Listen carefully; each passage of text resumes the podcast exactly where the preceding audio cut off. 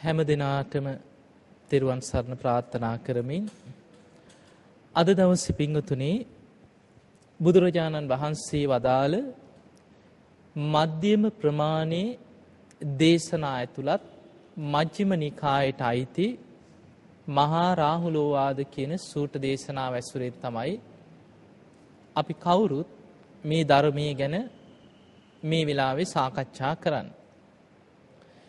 පිංහතුනි බුදුරජාණන් වහන්සේ වදාළ ඒ දේශනාවල් එදා මහරහතන් වහන්සේලා එකතු වෙලා තමයි සංගායනා කරන්නට යෙදුන.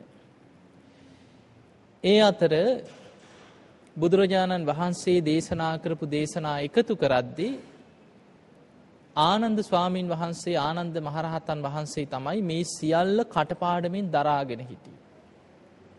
උන්වහන්සේට අග තනතුරු කීපයක්ම ලැබුණා. සිහිනුවන තියෙන භික්‍ෂූන් අතරිනුත් අග්‍රයි සතිමන්තාන. යමක් ෂණයෙන් වටහා ගන්නා අතරිනුත් අග්‍රයි. මතක ශක්තියෙන් අග්‍රයි. ධර්ම බහන්ඩාගාරික මේ ධර්මය දරාගත්ත කෙනා. එතකොට ආනන්ද හාමුදුරුව එදා ධර්ම සංගායනාවේදී මුලින්ම බුදුරජාණන් වහන්සේගේ දේශනා අතර උන්වහන්සේ අවුරුදු හතලිස් පහක් දේශනා කරපු ඒ සියලුම බුද්ධ දේශනා කටපාඩමින් දරාගෙන ඉඳලා දීර්ගම දේශනා ටික තමයි ඉස්සරලාම සංගායනා කරේ. බුදුරජාණන් වහන්සේ අවුරුදු හතලිස් පහක් පුරාවට වදාළ දේශනා අතර තිබ දීර්ගම දේශනා ටික. සූට දේශනා හතලිස් පහක් පමණ තියෙනවා. ඒවට නම තිබ්බා දීග නිකාය කියලා. ඊළඟට බුදුරජාණන් වහන්සේ වදාළ දේශන අතර මධ්‍යම් ප්‍රමාණි ගොඩාක් දිගත් නැති කෙටිත් නැති මධ්‍යම් ප්‍රමාණි දේශනා සියල්ල එකතු කරා. සූට දේශනා එකසිය පනස් දෙකක් තියෙනවා. අන්නේ දේශනා ටික සංගායනා කරලා ඒකට නම තිබ්බා මජ්ජිම නිකාය. ඊළඟට බුදුරජාණන් වහන්සේ අංක වසයෙන් උසස් වෙන පිළිවලට වදාළ දේශනා. කොටස් එකක් ගැන ඒකක නිපාති. කොටස් දෙකක් ගැන දුක නිපාතේ. කොටස් තුනක් බැගින් වදාළ දේශන අත්තික නිපාති. ඔය වගේ කොටස් කර කර අංක වසයෙන් උසස් වෙන පිළිවලට වදාළ දේශන ඔක්කෝම එකතු කරා. සූට දේශනා නමදස් අටසේ ගානක් පමණ ඇතුළත්වෙන. ඒකට නම තිබ්බා අංගුත්තර නිකාය. අංක වසයෙන් උසස් වෙන පිළිවලට වදාළ දේශනා. ඒ වගේමයි විශේෂ මාතෘකා යටතේ බුදුරජාණන් වහන්සේ වදාළ දේශනා තිබුණා. පටිච්ච සම්පාදය ගැන ආයතන හය ගැන සත්තිච් බෝධි පාක්ෂික ධර්මයන් ගැන මේ සියල්ල වෙන වෙනම එකතු කරලා සූට දේශනා අටදස් ගානක් එකතු වුණා සංයුක්ත නිකාය කියලා නම තිබ්බ.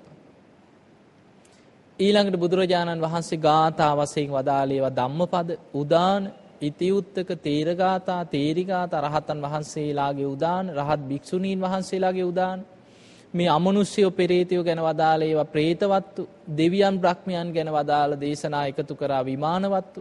ඔය වගේ කොටස් ගණනාවක් එකතු කරලා කුද්දක නිකාය යටතර සංගායනා කරා. ඔය විදියට තමයි සූට්‍ර පිටකේ කොටස් පහකට බෙදුවේ. තින් අපි මේ කාලය තුළ බෞද්ධාරූපවාහිනී නාලිකාව ඔස්සේ. බුදුරජාණන් වහන්සේගේ මධ්‍යම ප්‍රමාණය ඒ දේශනා ඇතුළත් මජ්්‍යම නිකායේ දේශනා තමයි එකින් එක එකින් එක මේ හවස් කාලේ ධර්ම දේශනාවට යොදාගන්න. ඒ අතර මේ පිංහතුන් අද දවසේ බුදුරජාණන් වහන්සේ වදාළ ඒ මධ්‍යම ප්‍රමාණයේ දේශනාවක් වන මහා රාහුලෝවාද කියන සූට්‍ර දේශනාව තමයි ශ්‍රවණය කරන්න සූදානන් වෙන්. පිංහතුනේ මේ දේශනාව බුදුරජාණන් වහන්සේ පුංචි රාහුල හාමුදුරුවන්ට වදාළ දේශනාවක්. රාහුල හාමුදුරුව ගැන ඔබ කවුරුත් දන්නවා. එදා ගිහි ජීවිතය ගත කරද්දි සිද්ධාර්ථ කුමාරයාගේ ගිහි ජීවිතයේ තමන්ගේ පුට්ට රත්නය තමයි රාහුල කියන්න.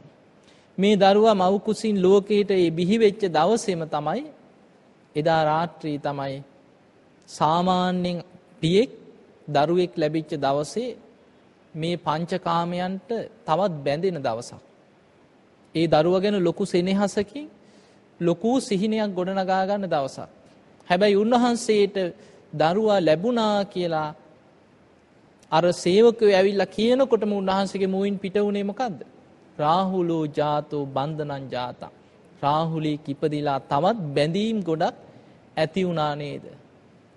එදා රාත්‍රී උන්වහන්සේ දරුවා ලැබිච්ච දවසේම පුංචි රාහුල පුතා ඉපදිච්ච දවසේමයි සියලු සැප සම්පත් රාජ මාලිගා අතහැරලා රම්ම්‍ය සුරම්ම්‍ය සුභ මාලිගා අතහැරලා විමුක්තියක් උදෙසා සියලු සැප සම්පත් අතහැරලා අභිනිස්ක්‍රමණය කළේ. එතකොට උන්වහන්සේ අභිනිස්ක්‍රමණය කරලා අවුරුදු ගණනාවක් අවුරුදු හයක් විතර. ගුරුවරු හොයාගෙන ගියා උන්වහන්සේ බලාපොරොත්තු වෙන විමුක්තිය ලැබුණේ ඊළඟට නොයේ දුෂ්කර ක්‍රියාවන් කරලා ඒ දුෂ්කර ප්‍රතිපදාවන් අනුගමනය කරලා ඊළඟට වෙසක් පුන් පොහෝ දවසක බුද්ධ ගයා වජිරාසනය මත සියලු කෙලෙසුන් ප්‍රහාණය කරලා සම්මා සම්බුද්ධත්වයට පත් වුණා. ඊළඟට බුදුරජාණන් වහන්සේ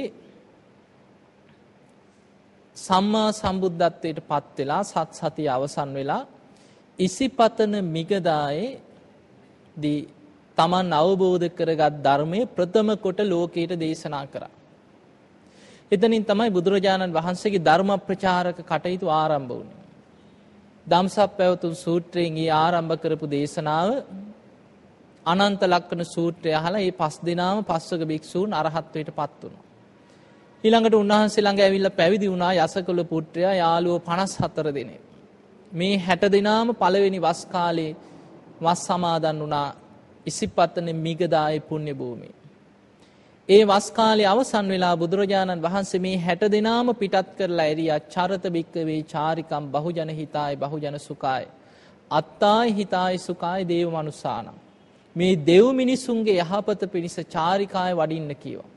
එක මගකින් දෙනමක් කියන්න එපා කියෝ.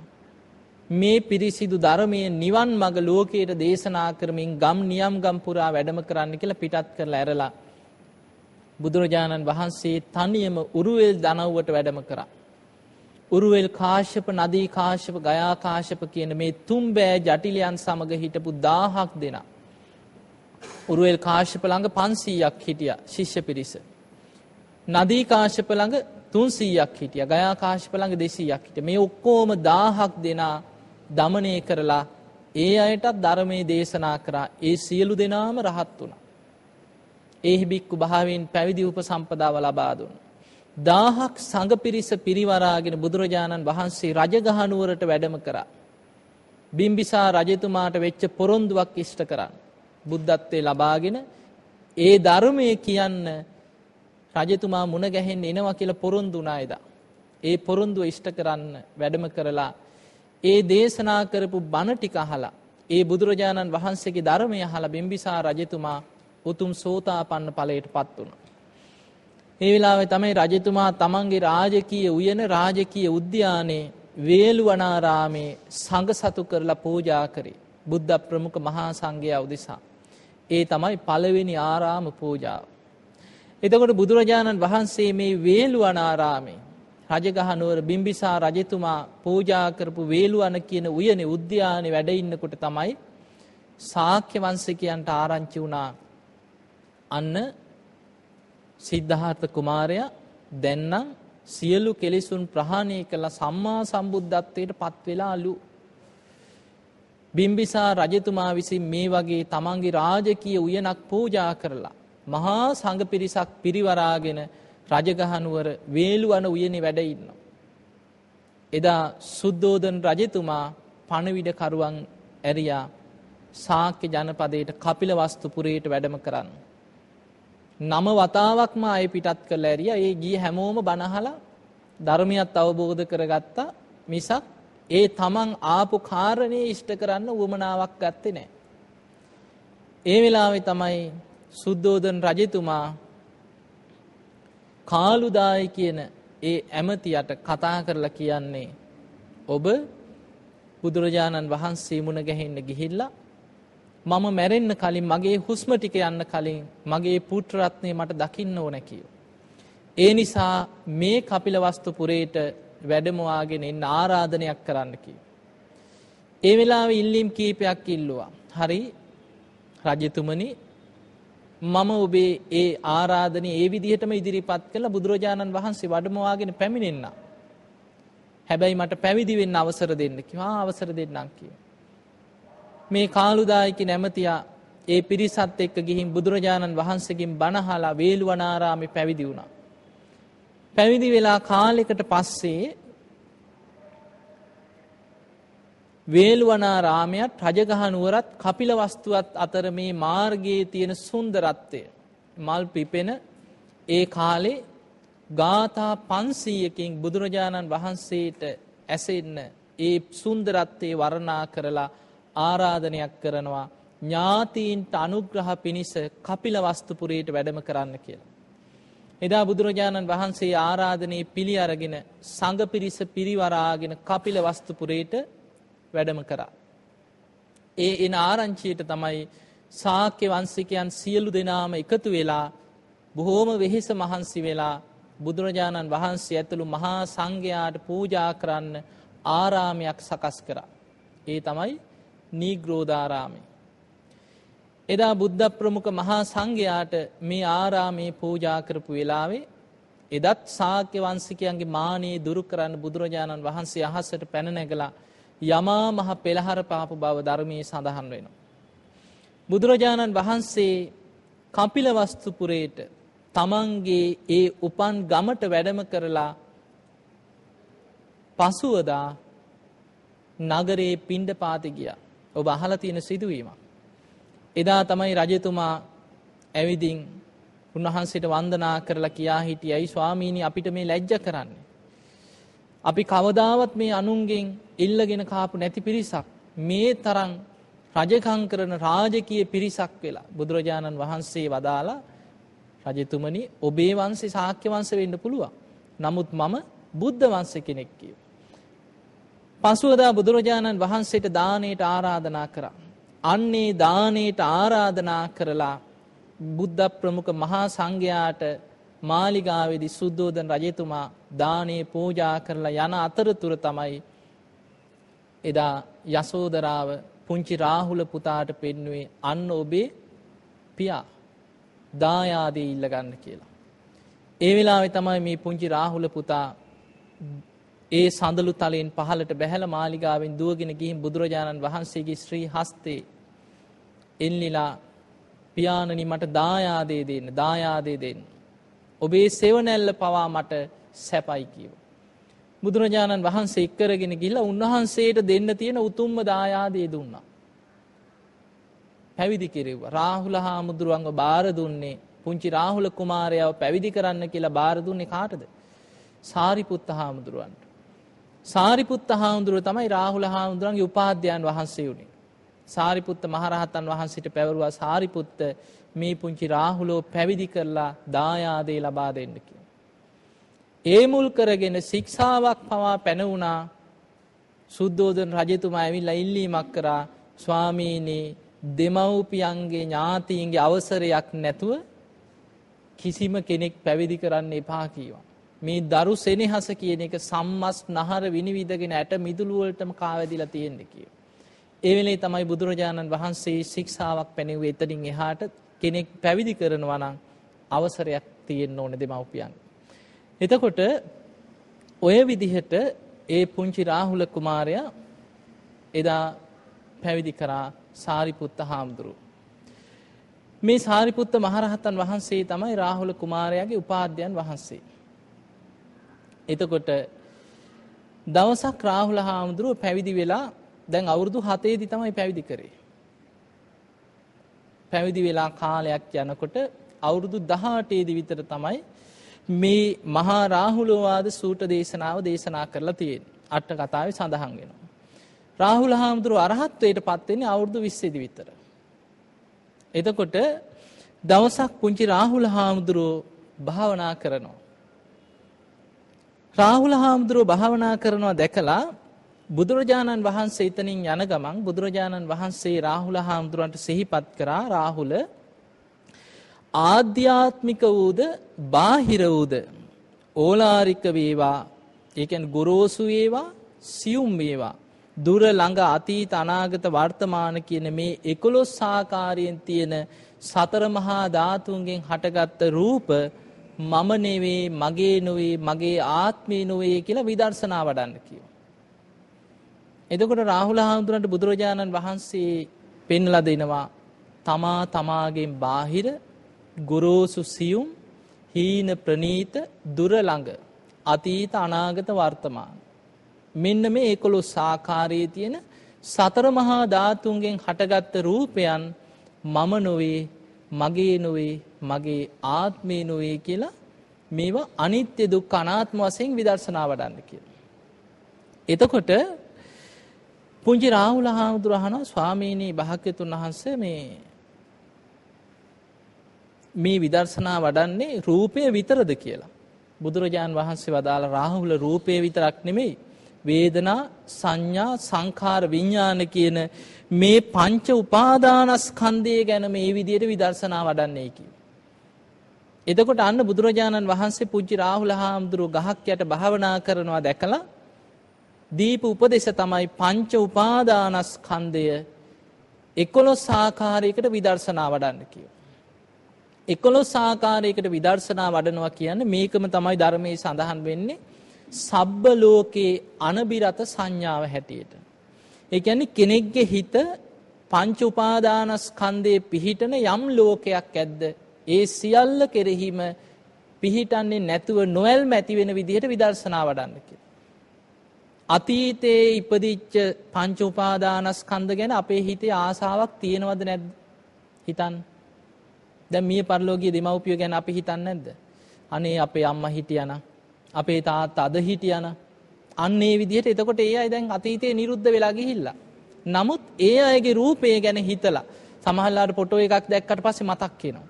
ඒ අයගේ ඒ පංච උපාදානස්කන්ධ ගැන සිහි කරලා අපි දුක් වෙනවා. ඒ අපේ හිතේ බැඳීමක් තාම තියෙන නිසා. ඒ නිසා අතීතයට ගිය පංච උපාදානස්කන්ධත් අනිත්‍ය වශයෙන් වඩන්න කියන. ඒ ගැන යම් ඇල්මක් තියෙනවා නම් ඒක අතහැර ගන්න කියන. ඊළඟට අනාගතේ උපදින්න ඉන්න අය ගැන ඇලෙන්නේ නැද්ද? සාමාන්‍යයෙන් අපි හිතමු දරුවෙක් ලැබෙන්නේ ඉන්න අම්මා කෙනෙක්. දරුවා තාම ඉපදිලත් නැහැ. නමුත් අනාගතයේ සැලසුම්මවක් නැද්ද? මේ දරුවා ලැබුණාම මම මේ විදියට උගන්වනවා. මේ වගේ තැනකට යවනවා. මෙන්න මේ විදියට තමයි මේ දරුවා මං ඉහළට යවන්නේ.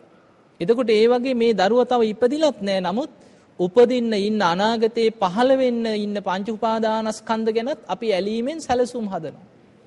එතකොට වර්තමානයේ තියෙන තමාගේ පංච උපාදානස්කන්ධයටත් තමා අවට ඉන්න අයටත් ඇලෙනවා. එතකොට අපේ හිතේ තණ්හාව අතීත අනාගත වර්තමාන කියන මේ තුන් කාලයේම තියෙන පංච උපාදානස්කන්ධ ගැන බැඳීමක් තණ්හාවක් තියෙනවා. ඊළඟට ගොරෝසු ශරීර තියෙන පංච උපාදානස්කන්ධ තියෙනවා නම් ඒවටත් බැඳෙනවා. ගොරෝසු කියන්නේ මේ අපේ ශරීර. කබලින්කාර ආහාරයෙන් පෝෂණය වෙන ශරීර තියෙන මේ මිනිස්සයන්ට තිරිසන් ලෝකෙත් ඉන්නවා. කබලින්කාර ආහාර තියෙන සත්වයෝ. ගොරෝසු ශරීර ඇති සත්වයෝ. ඊළඟට සියුම් ගොරෝසු ඒවා සියුම් වේවා. සමහර වෙලාවට ඇලුම් කරනවා මේ ශරීරයක් දරාගෙන ඉන්න එක නම් මහා දුකක්. ලෙඩ වෙනවා ජරාවට පත් වෙනවා. ඊට වඩා හොඳයි දෙවි කෙනෙක් වගේ සියුම් ශරීරයක් ලැබුණා නම් කියලා දිව්‍ය ශරීරයකට ආස කරන්න පුළුවන්. ඇලුම් කරනවා. අන්න සියුම් ශරීරයකට ආස කරනවා. ඒ නිසා බුදුරජාණන් වහන්සේ වදාළ ගොරෝසු ශරීරයත් අනිත්‍ය දුක් අනාත්ම වශයෙන් ඒ ගැන තියෙන ඇල්මත් අතහරිනවා වගේම සියුම් ස්වභාවයෙන් යම් කිසි උපතක් ශරීරයක් ලැබෙනවා නම් ඒ ගැන තියෙන ආසාවත් අතහැර ගන්න කියන. ඊළඟට තමා තමාගෙන් බාහිර වශයෙන් විදර්ශනා වඩන්න කියන. ඉස්සලා තමන් ගැන නුවණින් විමසලා විදර්ශනා වඩවනවා වගේමයි මගේ වගේම අනිත්‍ය වූ දුක් වූ අනාත්ම වූ ශරීරයක් තමයි මේ බාහිර අය තුලත් තියෙන්නේ. අජ්ජත්තංවා කායේ කායානු පස්සේ විහරති බහිද්ධාවා කායේ කායානු පස්සේ ආධ්‍යාත්මිකව තමාගේ ශරීරයේ ගැන නුවණින් විමසලා දකින්නේ යම්සේද? බාහිර අය තුල තියෙන්නේ ඒ විදියමයි කියලා විදර්ශනා වඩන්න ඊළඟට හීන ප්‍රනීත වශයෙන් සමහර වෙලාවට හීනයි කියලා සම්මත පහත් කියලා සම්මත දේවල් තියෙනවනේ ලෝකේ. දැන් උපත ගත්තත් නිරය, පෙරේත ලෝක, තිරිසන් ලෝක, මේවා දුක් සහිත පහත් හැටියට සම්මතයි. දිව්‍ය බ්‍රහ්මාදී ඒ ප්‍රනීත සැප සම්පත්තියනව ප්‍රනීත හැටියට සලකන. එතකොට මේ දෙකටම ඇලුම් කරන අය ඉන්නවා. සමහරු ඉන්නවා තිරිසන් ලෝකේ උපදින්නත් ආස කරන අය ඉන්නවා. හම්බෙලා නැද්ද එහෙම අය? අපිට අර පොහොසත් පවුලක නැට්ට වනන කෙනෙක් වෙන්න හොඳ හොඳයි කියන අය නැද්ද? එහෙම ඉන්නවා. ආම් බලාපල්ලක් වර සත්තු විඳින සැප සම්පත්. එහෙම හිතනවා.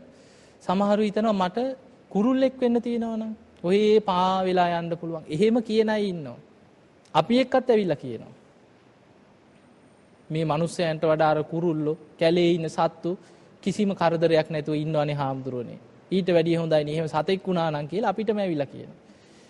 එතකොට බලන්න එතකොට ඒ හිත පිහිටවලා තියෙන්නේ කොහෙද? හීනයි සම්මත දේවල් වල.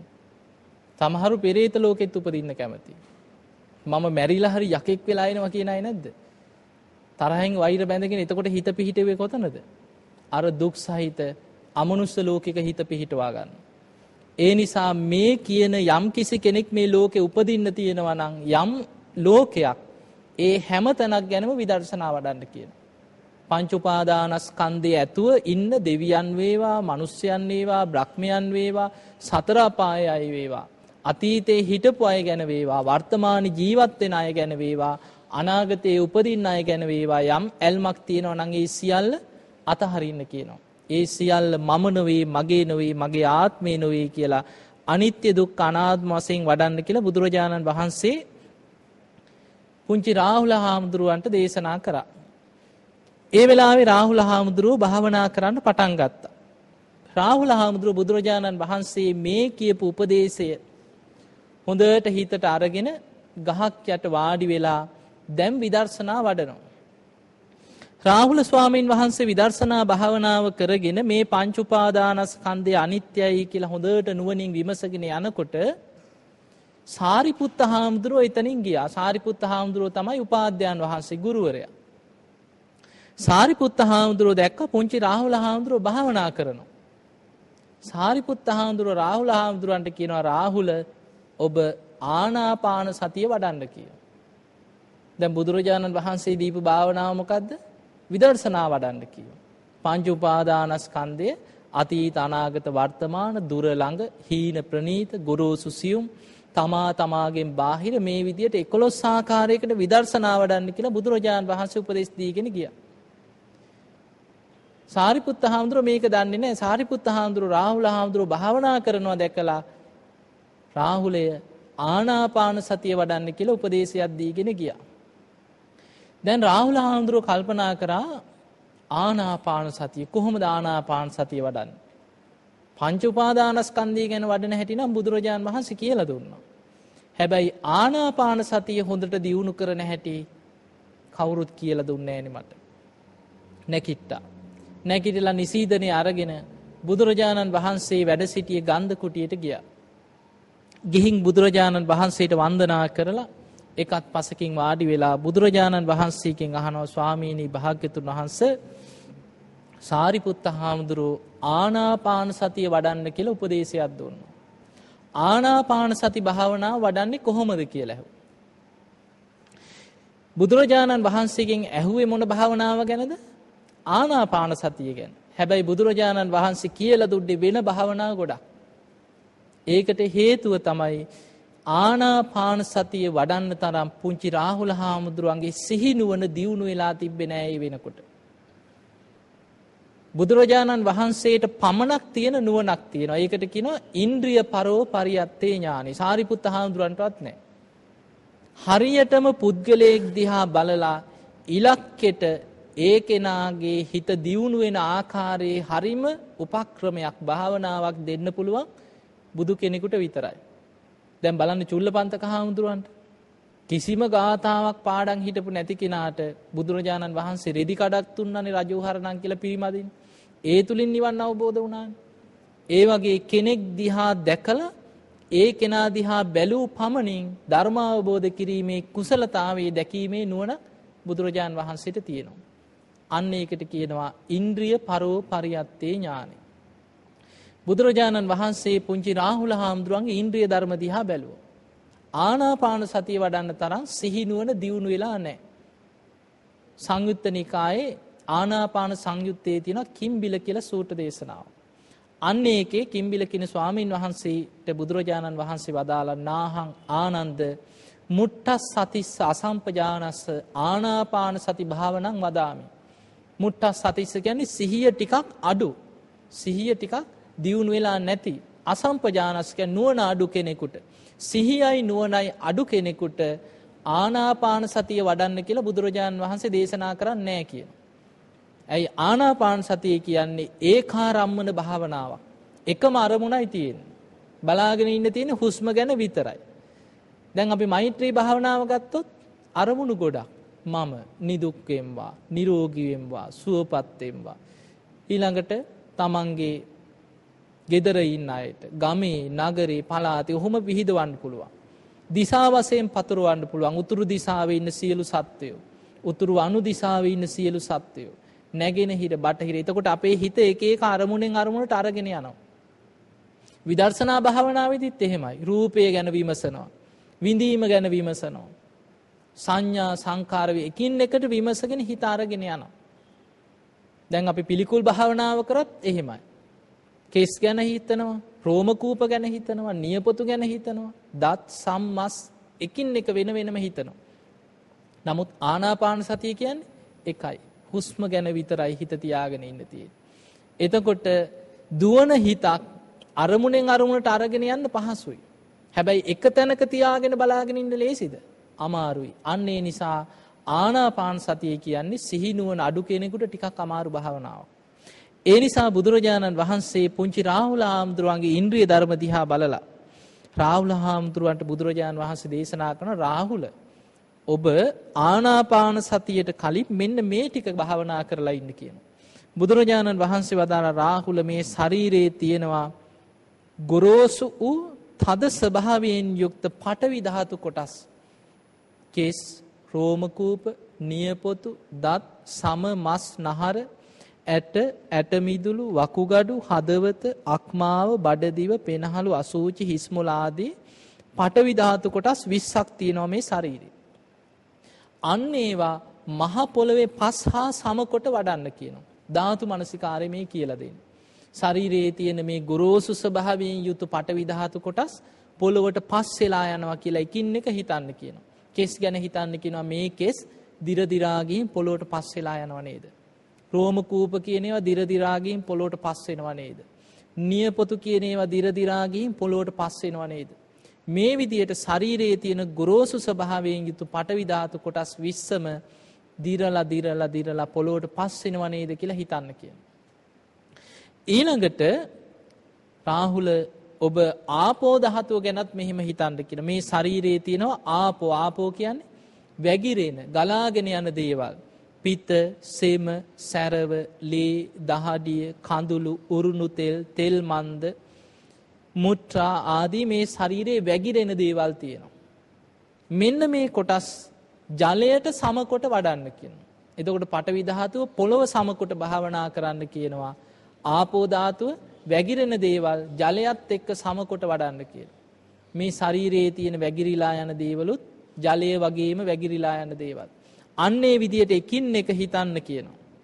රාහුල ඒ විතරක් නෙමෙයි. ශරීරයේ තියෙන උණුසුමක්. දැන් අපි කණබොන ආහාර දිරවන්නේ තේජෝධාතුවේ ඇගේ තියෙන උණුසුම නිසා.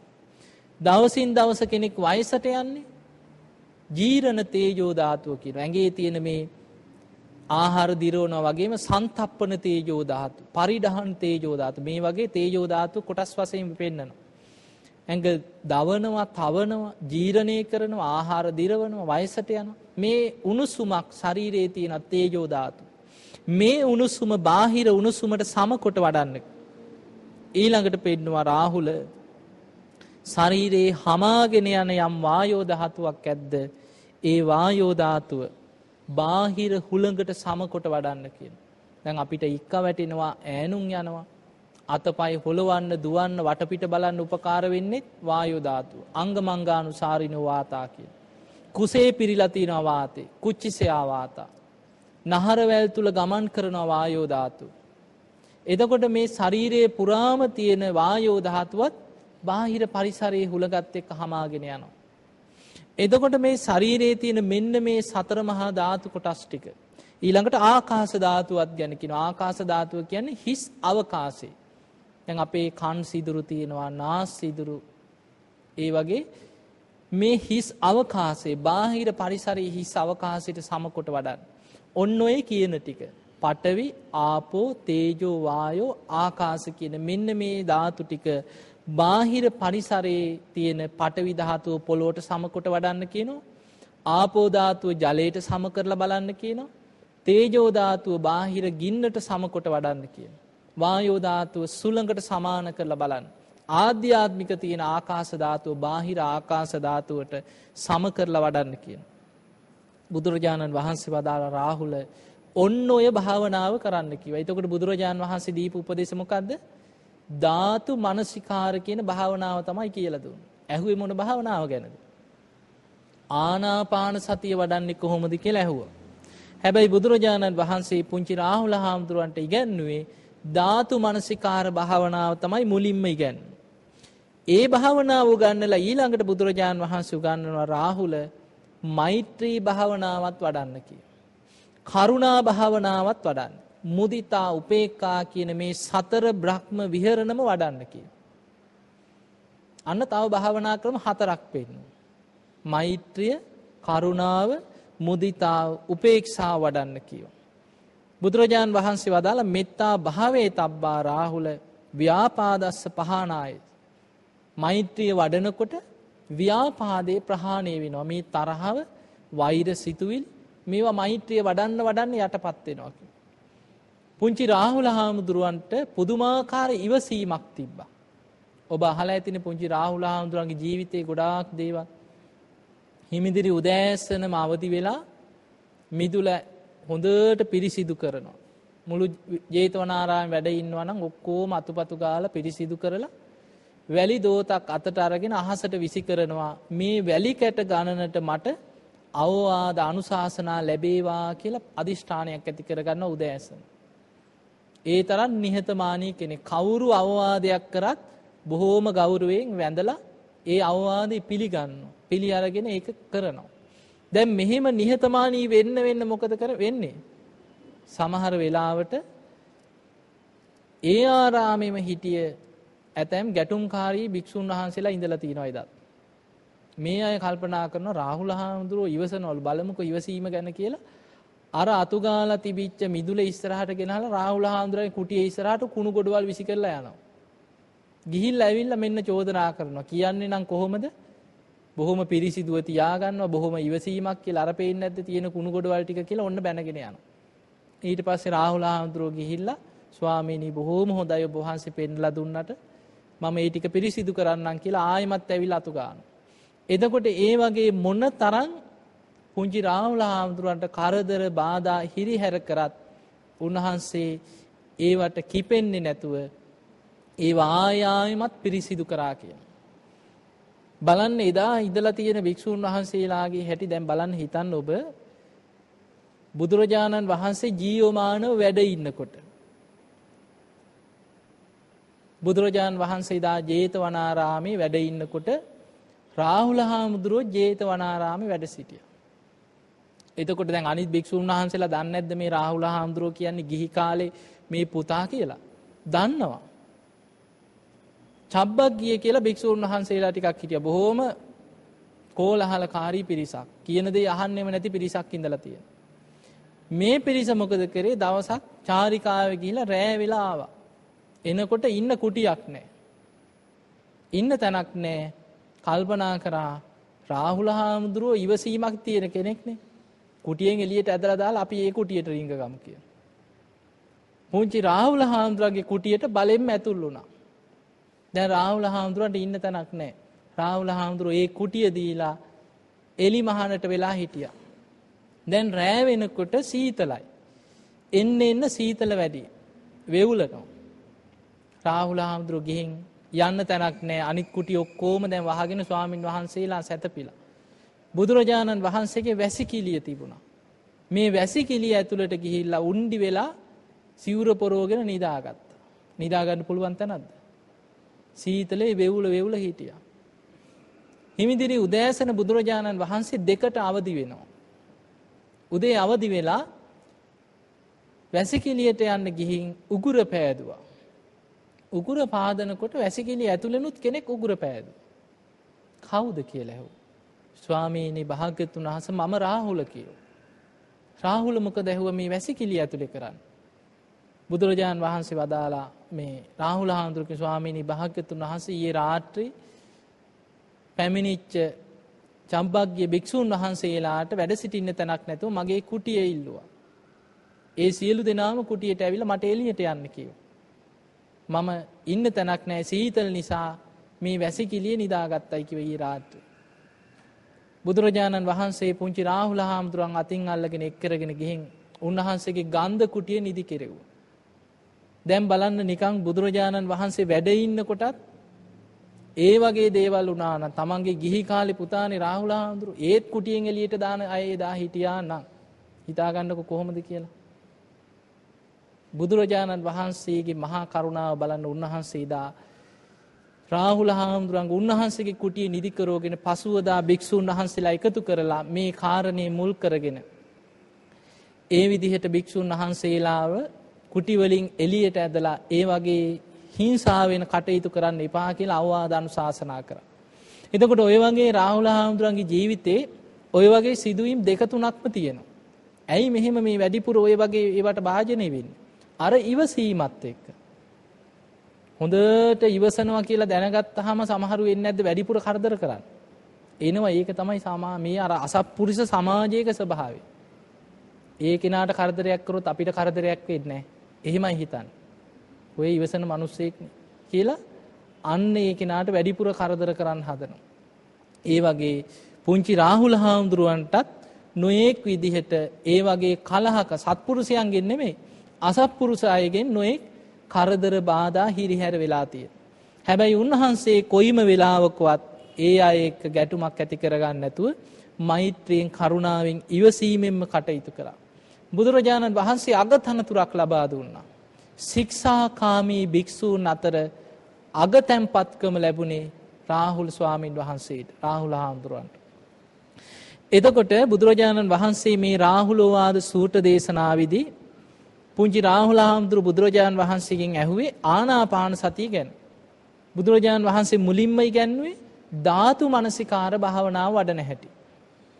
ඊළඟට බුදුරජාණන් වහන්සේ වදාළ රාහුල මෛත්‍රිය කරුණාව මුදිතා උපේක්ඛා කියන සතර බ්‍රහ්ම විහරණ හොඳට වඩන්න කියෝ. භාවනා වශයෙන් ඔබ දියුණු කරන්න කියෝ. අන්න ආනාපාන සතිය වඩන්න කලින් මෛත්‍රී කරුණා මුදිතා උපේක්ඛා වඩන්න කියෝ. ඊළඟට බුදුරජාණන් වහන්සේ තව භාවනාවක් උගන්වනවා රාහුල අසුභ භාවනාවත් වඩන්න කියවා. අසුභ භාවේ තබ්බා රාගස්ස පහනාය. මේ රාග සහිත සිතුවිලි යටපත් වෙන්න ප්‍රහාණය වෙන්න අසුභ භාවනාව පුරුදු කරන්න කිව්ව.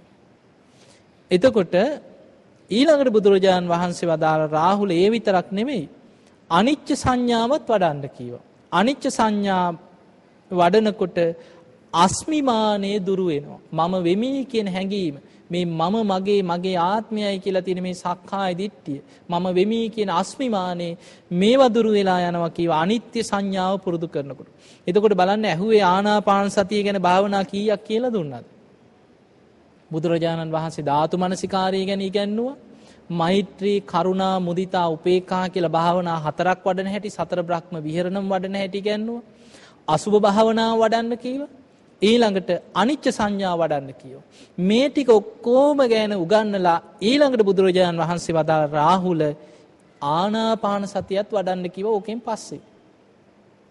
අන්න දැන් මේ භාවනාවල් වඩාගෙන යනකොට කෙනෙක්ගේ හිත දියුණු වෙනවා. සිහිනුවන දියුණු වෙනවා. අර සිහිය මද කෙනාගේ සිහිය ධාතු මනසිකාරය හරි මෛත්‍රී භාවනාව හරි අසුභ භාවනාව හරි එහෙම භාවනාවක් වඩාගෙන යනකොට අර සිහිය මද කෙනාගේ සිහිනුවන වැඩෙනවා.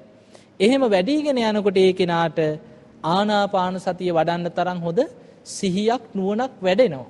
ඊට පස්සේ ආනාපාන සතිය වඩන්න කියලා බුදුරජාණන් වහන්සේ ආනාපාන සති භාවනාවත් උගන්වනවා. රාහුල ඔබ ගහක් මුලට හරි රුක් සෙවනකට හරි ශුන්‍යාගාරයකට හරි ගිහිල්ලා පළඟක් බැඳගෙන වාඩි වෙලා හොඳට කොන්ද කොඳු වැට පේලිය ඍජුව පවතින විදිහට. දැන් අනිත් භාවනාවල් එකම අනිත් භාවනාවක් ගැනවත් බුදුරජාණන් වහන්සේ નિયમિત මේ ඉරියව්වෙම කරන්න කියලා ඉරියව්වක් පෙන්වන්නේ අනිත් හැම භාවනාවක්ම සතර ඉරියව්වෙම කරන්න පුළුවන්. තිට්ටං චරන් නිසින්නෝ අසයානව. හිටගෙන ඉන්නකොට සක්මන් කරන ගමන් නිදාගෙන ඉන්න ඉරියව්වෙත් ඉඳගෙනත් මේ සතර ඉරියව්වෙම භාවනා මනසිකාරයේ යෙදෙන්න පුළුවන්. හැබැයි ආනාපාන සතියට විතරක් බුදුරජාණන් වහන්සේ පෙන්නනවා නිසීදති පල්ලංකං ආභුජිත්වා උජුං කායම් පනිදාය. පළඟක් බැඳගෙන වාඩි වෙලා ඍජුං කායම් පනිදාය මේ කොන්ද ඍජුව තියෙන වාඩි වෙන්න කියලා. ඇයි කොඳු ඇට පේලිය ඍජුව හිටින විදිහට හොඳට වාඩි වුණාට පස්සේ තමයි මේ පෙනහළු වල ක්‍රියාකාරීත්වය හොඳට සිදු වෙන්නේ බාධාවක් නැහැ. ඇයි හුස්ම රැල්ලත් එක්ක හිත එකඟ කරන ක්‍රමයක් ආනාපාන සතිය කියන්නේ. ඒ හුස්ම වලට බාධාවක් නොවන විදිහට වාඩි වෙලා හොඳට සිහිය යොමු කරන්නට ඕන. එතකොට ආනාපාන සතිය ගැනත් මේකේ පියවරෙන් පියවර උගන්වනවා අපි ටිකක් බලමු. බුදුරජාණන් වහන්සේ රාහුල හාමුදුරන්ට පෙන්වන රාහුල ඉස්සරලාම සෝ සතෝ වස්ස සති සෝ සතෝ පස්ස සති. ආනාපාන සතිය කරනවා නම් හොඳ සිහියෙන් හුස්ම ගන්නයි සිහියෙන් හුස්ම හෙලන්නයි පුරුදු වෙන්න. අන්න පළවෙනිම දේ. වෙන මොකුත් කරන්නේ නැහැ. පළඟක් බැඳගෙන වාඩි වෙලා සිහියෙන් හුස්ම ගන්නවා සිහියෙන් හුස්ම හෙලනවා. දැන් මෙච්චර කාලයක් උපන්දා ඉඳන් හුස්ම ගත්තේ සිහියෙන්ද? නෑ හුස්ම වැටෙනවා ඒක. අමුතුවෙන් සිහිය පිහිටවන්න ඕනේ නැහැ. නිදාගෙන හිටියත් හුස්ම වැටෙනවා. අමුතුවෙන් සිහියක් අවශ්‍ය නැහැ. නමුත් සිහිය පිහිටෝලා ගන්න හුස්ම ගැන හොඳ අවධානයෙන් සිහියෙන් හුස්ම ගන්න කියනවා. සිහියෙන් හුස්පාන සතියේදී මුලින්ම පුරුදු වෙන්න ඕන භාවනාව. එතකොට මේ විදිහට සිහියෙන් හුස්ම ගන්න හුස්ම හෙලන්න පුරුදු වෙනකොට අන්න ටික ටික ටික ටික දැන් තමන්ගේ සිහිය නුවණ ආනාපාන සතිය තුල දියුණු වෙනවා වැඩෙනවා. එහෙම වැඩෙනකොට මොකද වෙන්නේ? දීගං වාස්ස සන්තෝ දීගං අස්ස සාමිති පජානාති. අන්න ඒ හුස්ම රැල්ලේ තියෙන දීර්ඝ හුස්ම තේරෙනවා දැන්. රස්සං වාස්ස සන්තෝ රස්සං අස්ස සාමිති පජානාති. දැන් මගේ හුස්ම කෙටියෙන් වැටෙනවා. දීර්ඝ හුස්මක් කෙටි හුස්මක් කියලා හුස්ම රැල්ලේ තියෙන වෙනස්කම් තේරුම් ගන්න පුළුවන්කම ලැබෙනවා සිහියෙන් හුස්ම ගන්නකොට. හොඳ සිහිනුවණින් හුස්ම ගන්නකොට සිහිය දියුණු වෙනකොට තමයි වෙනස්කම් තේරෙන්නේ.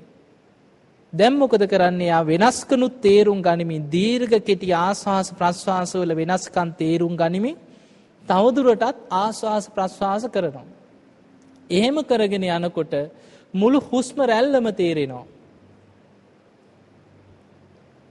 පස්සම් සබ්බකායේ පටිසංවේදී අස්ස සිස්සාමිති සික්කති කියන මුළු හුස්ම රැල්ලම මුළු ශරීරයත් එක්කම මේ හුස්ම රැල්ලේ තියෙන බැඳීම මේ සියල්ල තේරුම් ගනිමින් ආස්වාස ප්‍රස්වාස කරනවා. දැන් ටික ටික දියුණු වේගෙන යනවා. එහෙම දියුණු වෙන්න දියුණු වෙන්න හුස්ම රැල්ලේ ගොරෝසුකම ටික ටික අඩු වෙලා සංසිඳෙනවා. ඒක තමයි පස්සම් බයං කාය සංකාරං අස්ස සිස්සාමිති සික්කති. හුස්ම සංසිඳවන්න කියලා. දැන් හුස්ම රැල්ලේ හොඳට සිහිය පිහිටවල සිහිය දියුණු වෙනකොට ඒකේ දීර්ඝ කෙටි ආශ්වාස ප්‍රශ්වාස වල වෙනස්කම් තේරෙනවා.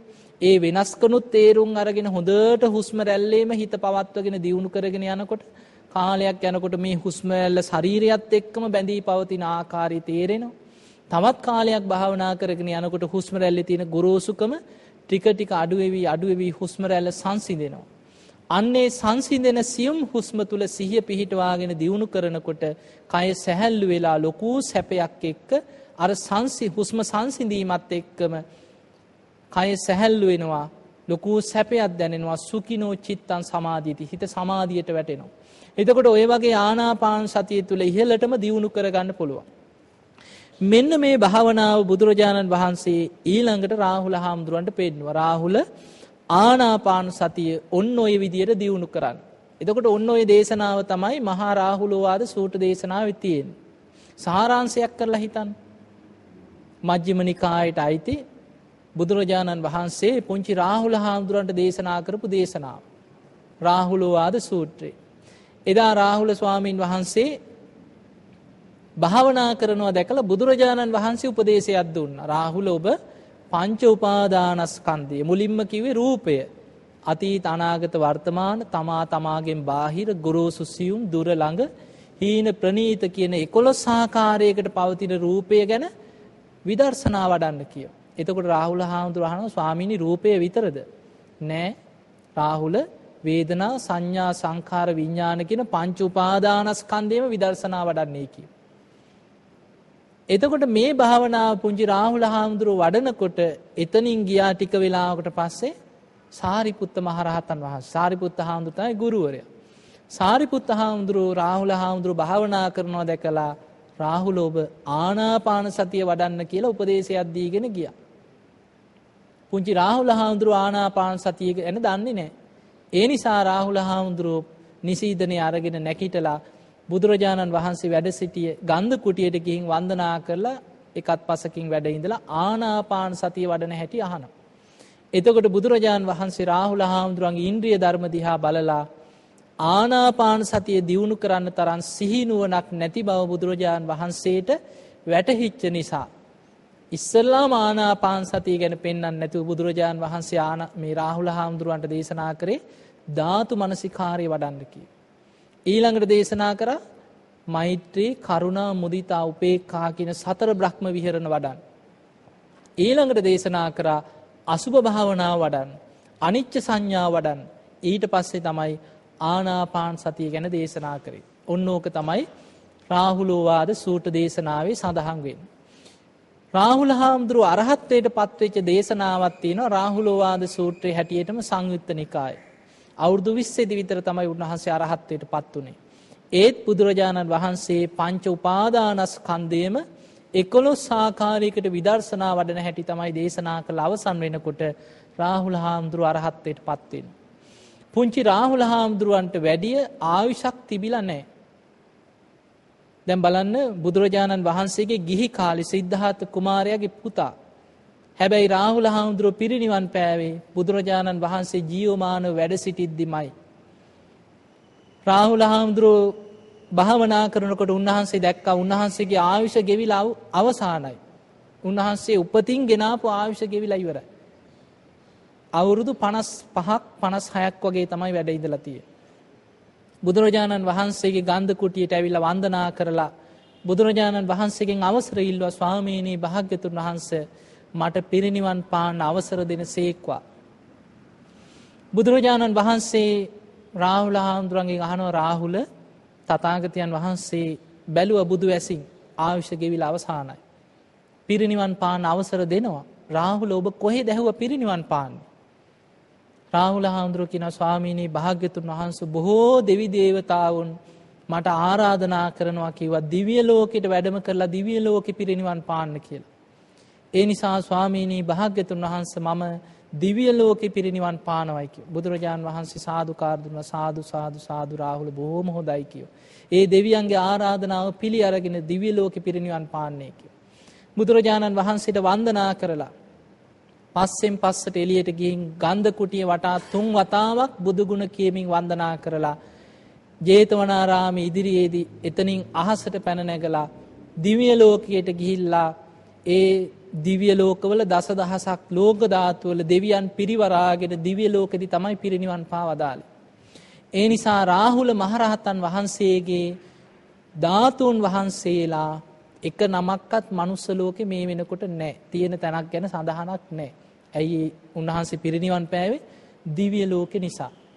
තින් ඒ රාහුල හාමුදුරුවන්ට ඒ රාහුල ස්වාමීන් වහන්සේට බුදුරජාණන් වහන්සේ දේශනා කරපු දේශනාව තමයි මහා රාහුලවාද සූත්‍රයේ ඉතින් අපි අද දවසි ශ්‍රවණය කරේ.